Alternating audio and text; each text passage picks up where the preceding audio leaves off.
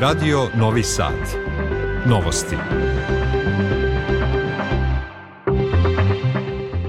Dobar dan, poštovani slušalci, ja sam Aleksandar Grujić. Ja sam Nikola Rausavljević. I sadržaj emisije. Plan rasta za Zapadni Balkan i ekonomsko približavanje čini nam dostupnije tržište sa više od 400 miliona potrošača, ocenio Aleksandar Vučić na samitu u Tirani.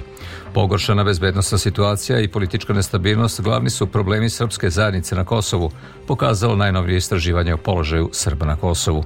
U prošle godini za lečenje redkih bolesti izdvojeno više od 7 milijarde dinara. Ujedine nacije sumnjaju da su i Izrael i Hamas počinili ratne zločine. Vladimir Putin izjavio pred federalnom skupštinom da je Rusija dokazala da je sposobna da odgovori na najteže izazove. Ministarstvo kulture Srbije saopštilo da će Zrenjanin biti nacionalna predstavnica kulture u narednoj godini. Ženska rukometna reprezentacija protiv Crne Gore u kvalifikacijama za evropsko prvenstvo. U Vojvodini do kraja dana promenjivo oblačno i toplo. Sutra prepodne oblačno, moguća slaba kiša, temperatura do 19 stepeni. Prema posljednjim merenjima u Novom Sadu je 15.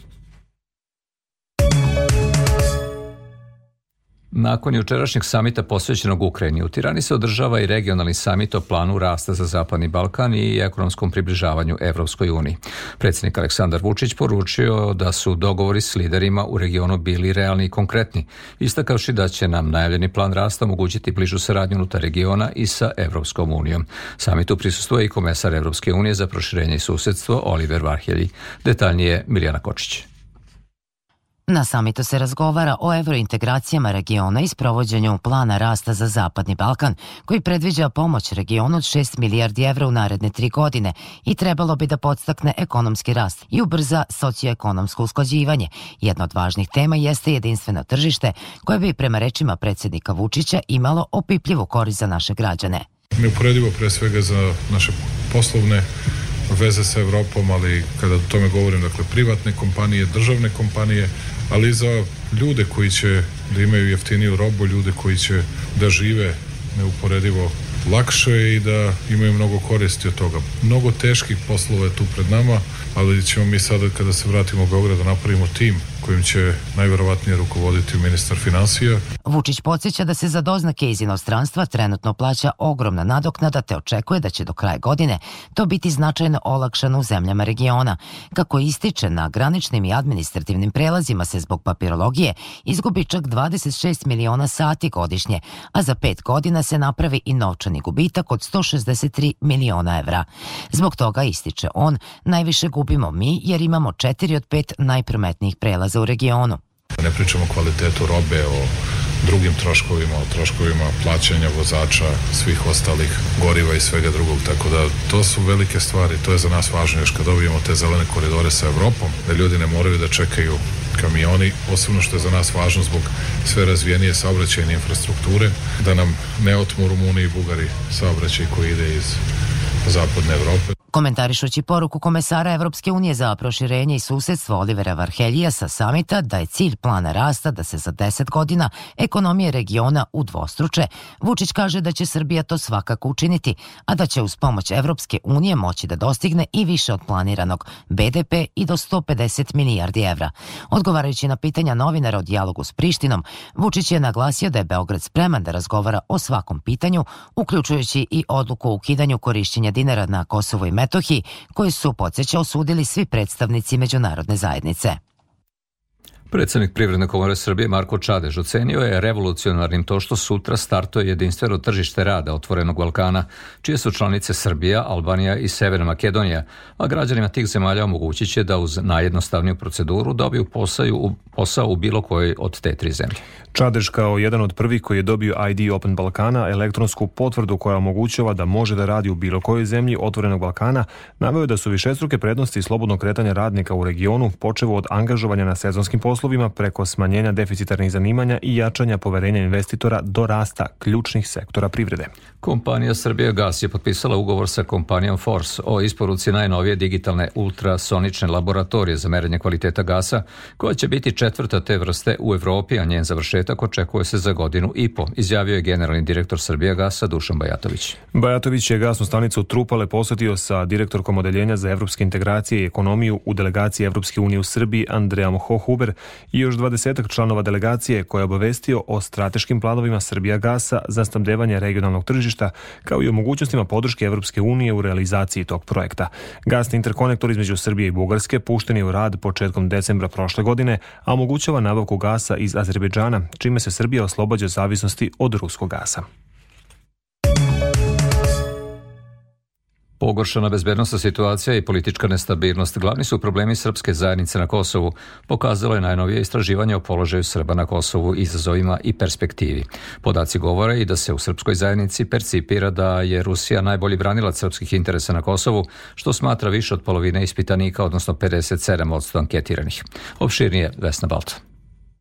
Istraživanje je sprovela nevladina organizacija Aktiv iz Severne Mitrovice i to u svih deset opština sa srpskom većinom na Kosovu, uključujući i pojedine enklave, od juna do avgusta prošle godine. Ono je u pojedinim segmentima pokazalo i dramatične rezultate, kaže izvršni direktor Aktiva Miodrag Milićević. Gotovo 90% ispitanika na severu Kosova izjavilo da su bilo oni ili pripadnici njihovih porodica u protekloj godini bili direktno ugroženi i to je jedan od alarmantnijih podataka koji se pojavljaju u ovogodišnjoj analizi trendova. Više od polovine ispitanika, odnosno 57% njih smatra da će život Srba na Kosovu biti lošiji u naredne tri godine, te se zbog toga u poslednje vreme sve češće odlučuju na odlazak sa kosmeta. Kada je reč o dijalogu Beograda i Prištine, Milićević navodi da taj proces podržava 18% ispitanika, dok se nastavku pregovora protivi 42,8% anketiranih. Stefan Surlić sa Fakulteta političkih nauka u Beogradu na osnovu rezultata rezultata istraživanja ocenjuje da je kod srpske zajednice na Kosovu prisutna takozvana bezperspektivnost. Srbi na Kosovu znači, imaju odsustvo perspektive u smislu stabilnosti političke situacije, to je jedno. Drugo, besperspektivnost u smislu dijaloga koji se vodi pod okriljem Brisela i na kraju besperspektivnost daljeg života na Kosovu.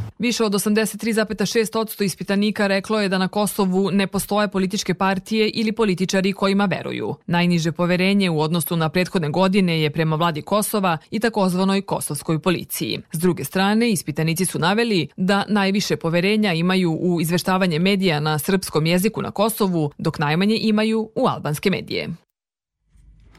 Šef Eoleksa Giovanni Pietro Barbano je rekao da je sudska odluka o vraćanju zemljišta manastiru Visoki Dečani obavezujuće za Prištinu, kao i da dovođenje u pitanje odluke Ustavnog suda podrio nezavisnost pravosuđa narušavajući vladavinu prava. Ambasador Nemačke u Prištini Jern Rode je saopštio da je potpuno saglasan sa Barbanovim zahtevom. Privremene prištinske institucije odbijaju da sprovedu odluku Ustavnog suda u Prištini iz 2016. godine da kao vlasništvo Visokih Dečana upišu oko 24 hektara zemlje u okolini manastira. Manastir Visoki Dečani je odlukom Komiteta za svetsku baštinu UNESCO stavljen na spisak ugroženih spomenika, a nalazi se i na listi najugroženijih lokaliteta kulturnog nasleđa u Evropi, koju je sačinila Panevropska federacija za očuvanje kulturnog nasleđa Evropa Nostra. Ovo je prvi program radija Radio Televizije Vojvodine. Slušate novosti. Port parol Evropske unije Peter Stano saopštio je da Unija pozdravlja izraženu spremnost vlasti u Srbiji da sarađuje sa Kancelarijom OEPS-a za demokratske institucije i ljudska prava na primjeni preporuka iz njenog konačnog izveštaja o decembarskim izborima u Srbiji. On je na mreži X dodao da tvrdnje o nepravilnostima na izborima treba da se rešavaju na transparentan način, kao i da konačan izveštaj potvrđuje zabrinutost Brisela da izborni proces zahteva opipljivo poboljšanje i dalje reforme. Podsjetimo, Kancelarija OEPS-a za demokratske institucije i ljudska prava objavila je zvanično finalni izveštaj o decembarskim izborima u Srbiji, u kojem je pozitivno ocenjeno glasanje na 93% biračkih mesta, kao i transparentan rad Republičke izborne komisije, a radi unapređenja izbornog procesa dato 25 preporuka za određene zakonske i proceduralne izmene pre sledećih izbora. U Višnom sudu u Beogradu se bez prisustva javnosti nastavilo suđenje roditeljima dečaka koji je 3. maja prošle godine u osnovnoj školi Vladislav Ribnikar ubio devet vršnjaka i čuvara te škole. Optuženi Vladimir i Miljana Kecmanović kao instruktor i vlasnik streljane u koje, kako se sumnja, dečak učio da puca, trebalo bi da iznesu odbranu, a pitanja mogu da im postavljaju i roditelji ubijene dece. Osim roditelja, prvo optuženom Vladimiru Kecmanoviću pitanja će postavljati tužilaštvo, branioci, oštećeni i sud. Suđenje se odlukom suda odvija bez prisustva javnosti radi zaštite interesa maloletnih žrtava. Danas je Međunarodni dan redkih bolesti. Tim povodem predsednica Nacionalne organizacije za redke bolesti Srbije Olivera Jovović je kazala da su u Srbiji redke bolesti u fokusu predstavnika svih relevantnih institucija, o čemu svedoči i to što je u prošle godini za lečenje te grupe pacijenata izdvojeno više od 7 milijardi dinara.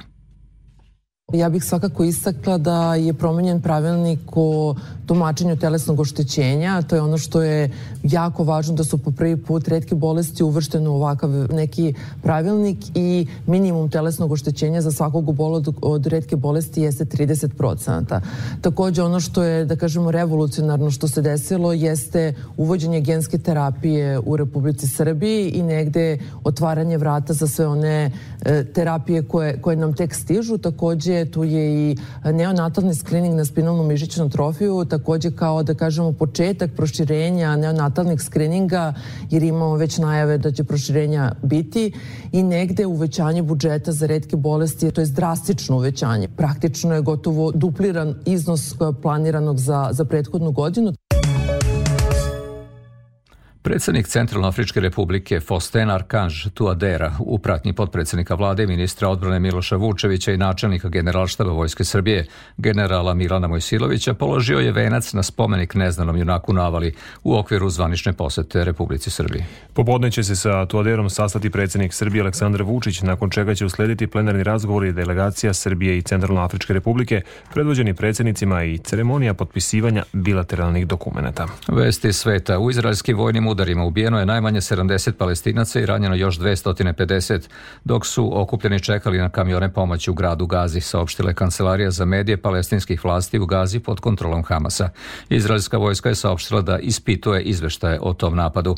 Prethodno ministarstvo zdravlja Gaze objavilo da je više od 30.000 palestinaca ubijeno u izraelskim napadima na Gazu od 7. oktobra. Administracija američkog predsednika Josefa Bidena razmatra mogućnost da vojnim avionima dostavi humanitarnu pomoć u pojas Gaze, pošto kopnene isporuke postaju sve teže. I Kanada će početi da doprema avionima pomoć u gazu u narednih nedelju dana.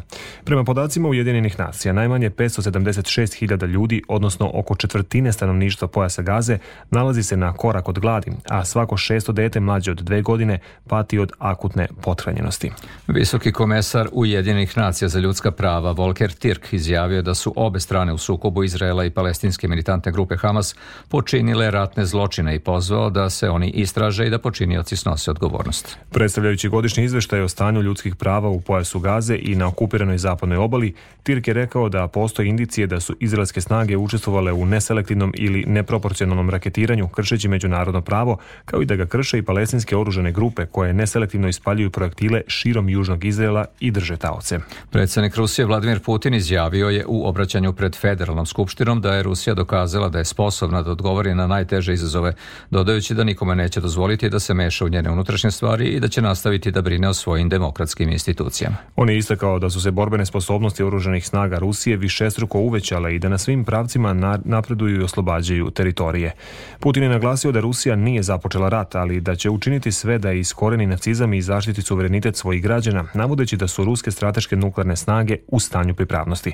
Govoreći o odnosima sa Sjedinjenim američkim državama, ocenio je da Washington preduzima otvoreno neprijateljske akcije, nastojeći da Moskvi nanese strateški poraz na bojnom polju. Centar Ministarstva odbrane za lokalnu samoupravu Novi Sad organizovao je ispraćaj kandidata na dobrovoljno služenje vojnog roka sa oružjem i vojno stručno osposobljavanje. Na odsluženje vojnog roka upućeno je 18 kandidata, 15 momaka i 3 devojke. Nakon odsluženja vojnog roka kandidati će moći da zasnuju radni odnos u vojsci Srbije. Detaljnije Milan Rakić. Kao glavni motiv za dobrovoljno služenje vojnog roka kandidati ističu dug koji imaju prema otačbini. Među njima su Mihajlo Tanasić i Dunja Šafranj. Oboje imaju želju da zasnuju radni odnos u vojsci Srbije nakon odsluženja. Rod rečne jedinice, a meni iskreno sve, ja ne više gledam da se zaposlim da bude negde blizu, što sam je žabio. Prvenstveno zbog zapošljenja kasnije, kako bih možda mogla da spojim na neki način medicinu i vojsku, a i ovako zbog same discipline, eto, to su neki razlozi. Načelnik Centra Ministarstva odbrane za lokalnu samoupravu Novi Sad, potpukovnik Darko Dimoski, rekao je da kandidati odlaskom na dobrovoljno služenje vojnog roka nastavljaju slavnu tradiciju svojih predaka. Dimoski se osvrnuo i na moguće uvođenje obaveznog vojnog roka. Ja mogu samo reći da mi, vojnici, ne donosimo odluku to, o tome, već ćemo postupiti sa odlukom Skupštine Republike Srbije. Mogu reći da smo mi E, kako Vojska Srbije, tako i Centar Ministarstva odbrane Novi Sad i svi ostali centri teritorije Republike Srbije spremni da prihvatimo sve momke, a i devojke, da ih regrutujemo. Dimoski je pozvao sve momke i devojke koji su zainteresovani za dobrovoljno služenje vojnog roka da se već od danas prijave u Centru Ministarstva odbrane u Novom Sadu za upućivanje u junskom uputnom roku. Ministarstvo kulture Srbije saopštilo je da će Zrenjanin biti nacionalna predstavnica kulture u narednoj 2025. godini. Radna grupa za pripremu i sprovođenje programa nazvanog Predstavnica kulture Srbije u obrazloženju navodi da Zrenjanin svojom kandidaturom predstavljenom pod umetničkim konceptom Meandri grada, tokovi kulture, sa idejom proživanja grada, stvaralaca i publike ima i detaljno objašnjene strategije, programe i kapacitete grada. Početak realizacije projekta Zrenjanin nacionalna predstavnica kulture Srbije planiran je za 21. mart sledeće godine. U pokrajinskoj vladi uručeni su ugovori za sufinansiranje listova na jezicima nacionalnih manjina u vrednosti od 490 miliona dinara. Subvencije su dobila 22 lista na jezicima nacionalnih manjina iz devet izdavačkih kuća Mađarsova, Hetnapa, Hlas Ljudeo, Libertate, Ruske slova, Hrvatske riječi, Bunjevačke novine, Makedonski informativni centar i Ridne slovo. Pojedinosti Marija Malaš. Direktorka nedeljnika Het Napi Subotice koji se izdaje na mađarskom jeziku Edit Laslo kaže da im subvencije koje dobijaju iz pokrine veoma znače jer omogućavaju osnovno funkcionisanje. Tu su prvenstveno troškovi štampanja, troškovi redakcije, ali mi se trudimo da sem e, ovoga koristimo sve one izvore finansiranja, konkurišemo na razne moguće izvore da bismo imali dodatne izdanja, da li su to knjige ili su periodike, to zavisi od toga ili kako uspemo da dođemo do sredstava. Vojvodina kao multietnička i multikulturalna sredina naše nasleđe koje mora da se ne samo deklarativno čuva nego i razvija u svim segmentima života i rada, pa tako i u oblasti javnog informisanja, rekla je pokrinjska sekretarka za kulturu, javno informisanje i odnose sa verskim zajednicama Dragana Milošević. I te subvencije koje dodeljujemo zapravo, a na koje smo najviše ponosni jeste kontinuirani rast. Kada to kažem, pre svega i svake godine ja to ponovim, ali i želim da iskažem zato što su to najbolji utemeljivači svega onoga o čemu danas razgovaramo, a to su finansijski parametri. Podsjetit ću vas dakle još i pri priuzimanju rukovodđenja pokrajinskom administracijom sredstva koja su bila dodeljivana upravo vama za vaš svakodnevni rad su bila u dvostrukom manjem iznosu nego što su ona to danas. Danas je ta vrednost više od 4 miliona eura. Ona je istakla da će ta podrška naredne godine biti još veća. Danas je 29. februar. Oko 5 miliona ljudi u svetu rođeno je na ovaj dan koji se broji svake četvrte prestupne godine, a šanse za rođendan 29. februara je 1 prema 1461. Iako je nakon sjajnih glumačkih rola u Kikinskom narodnom pozorištu otišla u zasluženu penziju, Marija Ostojić ostala je mlada i duhom i godinama. To je između ostalog uspeva i zahvaljujući činjenici da spada u one redke osobe koje drugačije računaju vreme, jer rođendan slavi 29. februara svake prestupne godine. Priču donosi Tatjana Popović.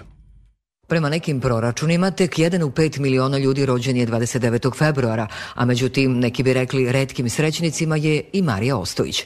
Rođena u Mokrinu, u kojem je provela i detinstvo, Marija se prisjeća kako je tada prihvatala činjenicu da rođendan slavi tek svake četvrte godine. To čekanje, pogotovo kada se setim svog detinjstva i rane mladosti. Sad sam u malo kasnije mladosti. Ove, da, eto jedino to. Mada u detinjstvu je bilo malo bolno, jer Marija nema rođendan, a ostala deca imaju rođendan. Nakon sjajnih glumačkih rola u Kikinskom narodnom pozorištu, Marija sada uživa u penziji, ali još uvek igra u nekim predstavama i, kako kaže, čeka neke nove. Uvek je 29. februar specifičan datum rođenja prihvatala kao svoju prednost, pa i mogućnost drugačijeg računanja vremena. Rođendanske čestitke pristižu, telefon je prepon poruka, ali sama proslava danas je drugačija. Nije bilo da, da, da su bile neke večere sa sve tamburašima kada imam rođendan.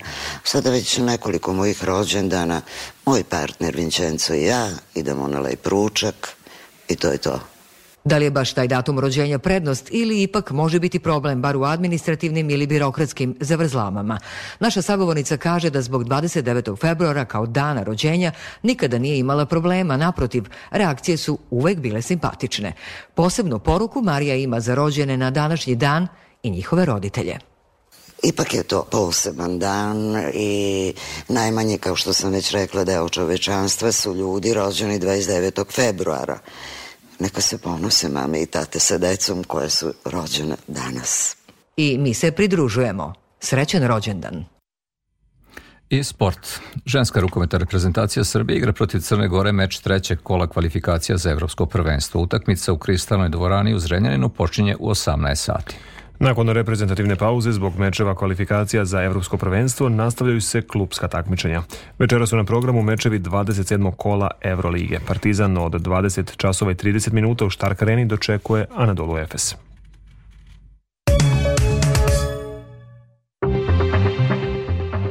I pred kraj novosti još jednom najvažnije iz emisije. Plan rasta za Zapadni Balkan i ekonomskom približavanju Evropskoj uniji čini nam dostupnije tržište za više od 400 miliona potrošača, ocenio Aleksandar Vučić na samitu u Tirani.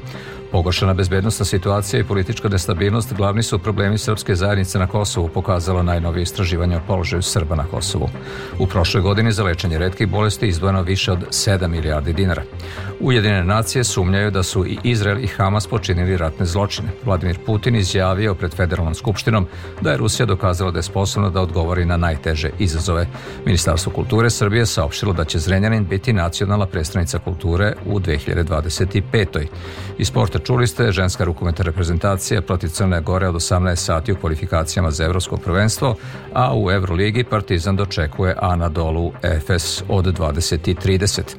I o vremenu u premerljimu 15 časova temperatura u Novom Sadu je 15 stepeni, vlažnost vazduha 54%, pritisak 1006 milibara, vetar istočni do 4 metra u sekundi. U Vojvodini do kraja dana promenljivo oblačno i toplo. Kako nas vreme očekuje? U Vojvodini u petak vetrovito, ujutro prepodne pretežno oblačno, ponegde sa slabom kišom. Toku dana smanjenje oblačnosti, pa se očekuju i sunčani intervali. Vetar umeren jak jugoistočni na jugu Banata sa udarima olujne jačine. Najniža temperatura od 9 do 13, a najviše od 17 do 19 stepeni. U toku noći u Banatu slaba kiša. U Vojvodini do utorka promenljivo i nadprosečno toplo u smenu sunčanih i obličnih intervala, ali sa pojavom slabe kratkodajne kiše. Zradio Novi Sad, meteorolog Midrag Stojanović. Slušali ste novosti prvog programa radija javne medijske ustanove Vojvodine. Sve informacije pronađite na našoj internet stranici na adresi rtv.rs gde novosti možete da čujete i odloženo. Pratite nas i na društvenim mrežama. Producenti Branislava Stefanović i Zoran Bečejac. Tonska realizacija Dragoslav Đurđev.